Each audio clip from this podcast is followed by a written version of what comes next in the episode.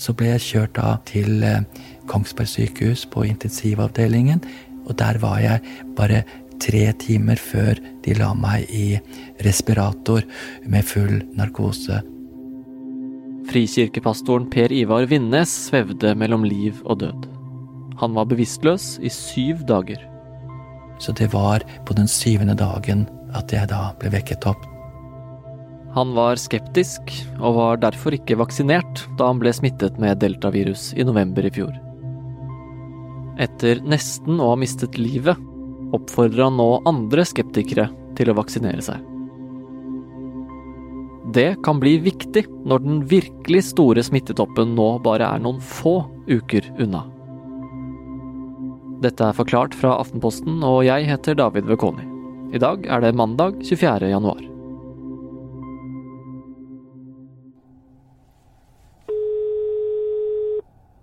Hei, det er Ines. Hei du, dette er David Vekoni i Aftenposten. Nå tror jeg at jeg er her. Eh... Ja, det er det På en gård utenfor Drammen bor 60 år gamle Per Ivar Vinnes. Pastor i Frikirkemenigheten 24-7 og daglig leder i vekkelsessenteret Brølende Lam.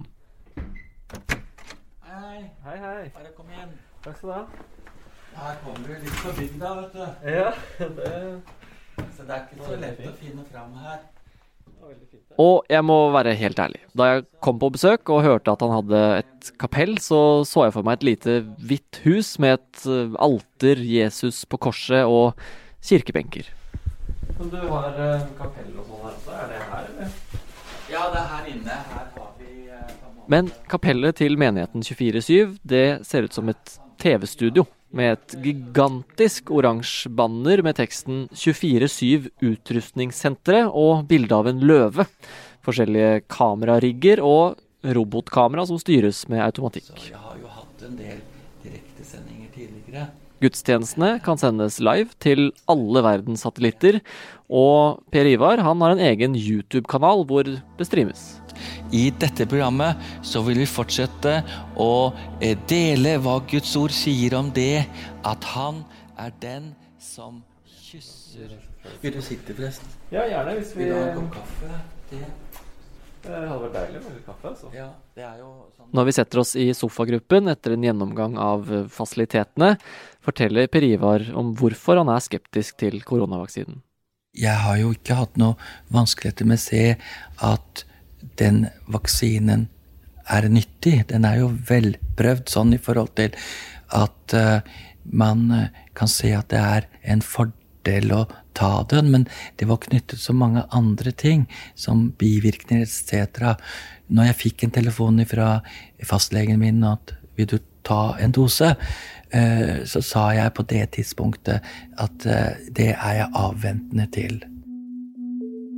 Men altså, det gjorde at eh, at den ble utsatt hos meg, da.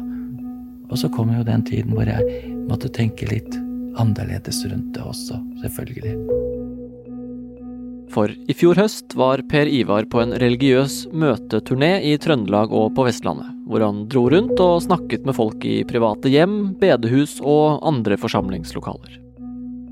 Selv om statistikken viser at de aller fleste kristne er vaksinerte, så har det vært skepsis mot vaksiner i noen av frimenighetene som Per Ivar besøkte, og i enkelte tilfeller aktiv motstand.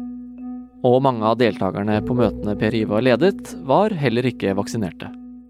Og så får jeg da melding om at det hadde vært et utbrudd i Fosnavåg. Og eh, da tenkte jo jeg at kanskje jeg også er smittet. Og jeg hadde jo ingen symptomer på en måte, men jeg må jo si at jeg syns jeg hadde blitt eh, ganske sliten på den siste dagen der i Bergen. Og hjemme på gården viste koronatesten at Per Ivar også var blitt syk. Det han ikke visste da, var at de neste dagene skulle bli svært dramatiske.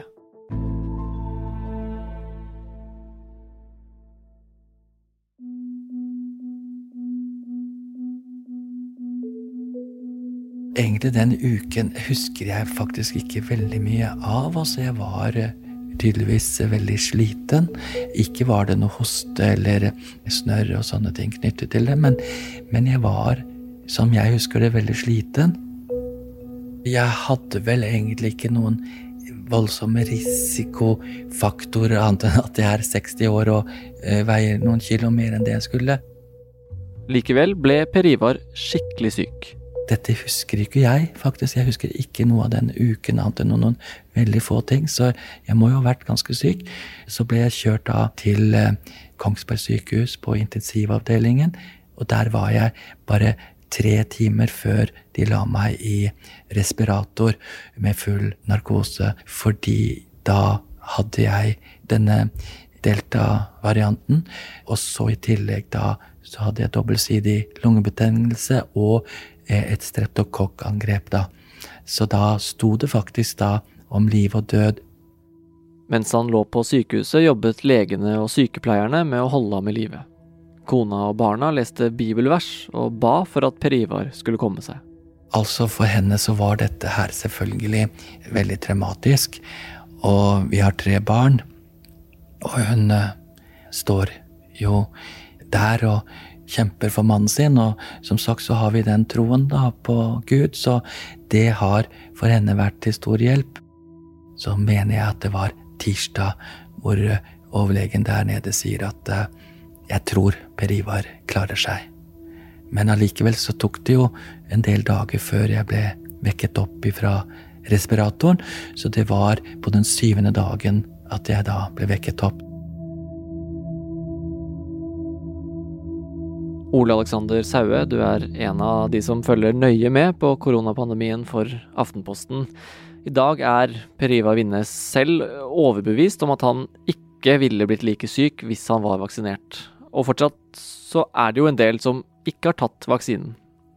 Hvem er de? Det er jo sammensatt. De uvaksinerte i Norge utgjør en veldig liten del av befolkningen, så det er vanskelig å på en måte sette det i bås. Men uh, på statistikken i Norge så ser vi at uh, blant de i 20-30-årene og litt yngre deler av befolkningen, så er vaksineoppslutningen litt lavere. Og så er det et annet tydelig trekk, og det er at uh, personer født i utlandet, spesielt i Øst-Europa, så er det enda færre som ønsker å vaksinere seg, og da spesielt folk fra Polen og Litauen. Men hva vet vi om grunnene, da? Altså, hvilke grunner oppgir folk for å ikke vaksinere seg? Dette er veldig sammensatt. Noen ønsker ikke å vaksinere seg av religiøse årsaker. Eh, noen mener at de ikke trenger vaksinen fordi de har godt nok immunforsvar, at de, de er i, i, god fysisk eh, stand, og at de på en måte kan tåle korona uten å bli alvorlig syke. da. Uh, og så har du de som er redd vaksinen, som tror at du kan bli alvorlig syk av vaksinen, og at uh, det finnes også mange konspirasjonsteorier om vaksinen, og at, uh, vaksinen er laga for å kontrollere befolkningen, f.eks. Det er et sånn typisk argument. Men hvis du tar Norges befolkning, så er det veldig få, en veldig liten andel som, som faktisk tror på disse tingene. Men uh, samla sett, hvis du tar de ulike årsakene, så er det et par hundre tusen i Norge som ikke har lyst til å vaksinere seg. Ja, og dem har det jo vært en del oppmerksomhet rundt, de som velger å ikke ta vaksine. Men så er det jo utrolig mange som har valgt å gjøre det, da. Hvordan går vaksineringen i Norge nå?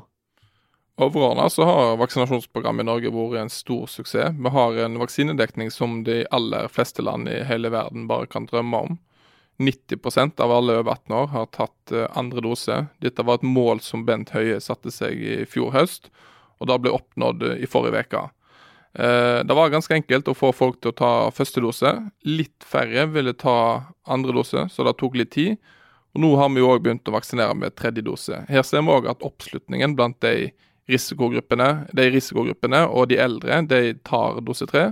Og så er det litt færre blant oss eh, unge friske som tar dose tre. Da omikron kom til Norge, var det usikkert hva vaksinen bidro med. Nå ser det ut til at heller ikke den tredje dosen beskytter veldig godt mot smitte. Men mot alvorlig sykdom beskytter den godt. Og akkurat den beskyttelsen kan bli viktig nå, for FHI venter at den store omikronbølgen vi er inne i, kommer til å nå toppen innen noen uker. I sin siste risikovurdering anslår de at et sted mellom 1 og 3 millioner nordmenn vil ha blitt smittet med omikron før vi når toppen. For å unngå at sykehusene nok en gang får problemer, har regjeringen i det siste vært ekstra opptatt av å minne om vaksinering. Korona er veldig mye farligere hvis du er uvaksinert. I ukene før jul spesielt, og over nyttår, så ser vi at eh, de uvaksinerte er klart overrepresentert på statistikken over det som blir innlagt på intensiv. Eh, så først og fremst oppfordrer det til vaksinasjon fordi det har stor individuell nytte. Og så er det jo òg sånn at eh, tiltakene vi har mot pandemien nå, er i hovedsak for å beskytte sykehusene mot overbelastning. Og Jo flere uvaksinerte vi har, jo flere vil bli lagt inn, og jo større vil presset bli på sykehusene.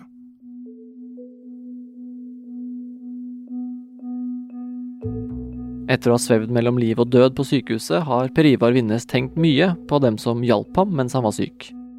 Det som var sterkest for meg, det var egentlig Altså, jeg vet at eh, hver tredje time så må du flytte på deg. Og jeg er jo ikke akkurat en eh, lettvekter heller. Og jeg tenker det hver tredje time at du skal flytte på deg. De er i fullt verneutstyr, og det må fire, fem, seks personer til for å flytte på en hver tredje time, og dette da er den syvende dagen. Og jeg vet andre som har ligget i respirator i tre uker.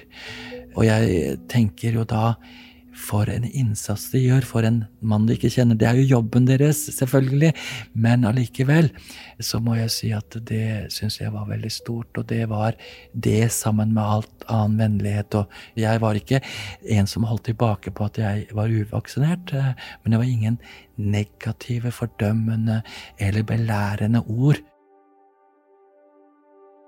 Oppholdet på sykehuset har fått Per Ivar til å tenke litt annerledes om koronavaksinen. Når jeg 13 dager er på sykehus for at jeg ikke har vaksinert meg, eh, så kommer jeg vel til det for min del som er 60 år, at eh, jeg vil ikke påføre samfunnet en slik belastning til, som da hindrer andre, kanskje, for å bli reddet, eller eh, andre syke. Frikirkepastoren er fortsatt ikke helt overbevist når det gjelder koronavaksinen. Men nå setter han sykehusene over sin egen skepsis, og ber andre gjøre det samme. Akkurat nå så føler jeg for min del at det må legges til side, da. Så eh, får vi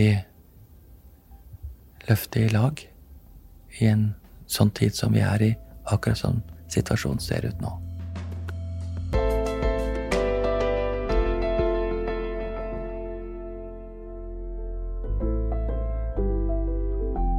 Du har hørt Per Ivar Vinnes fortelle om sin opplevelse, og Ole Alexander Saue om vaksinasjon i Norge.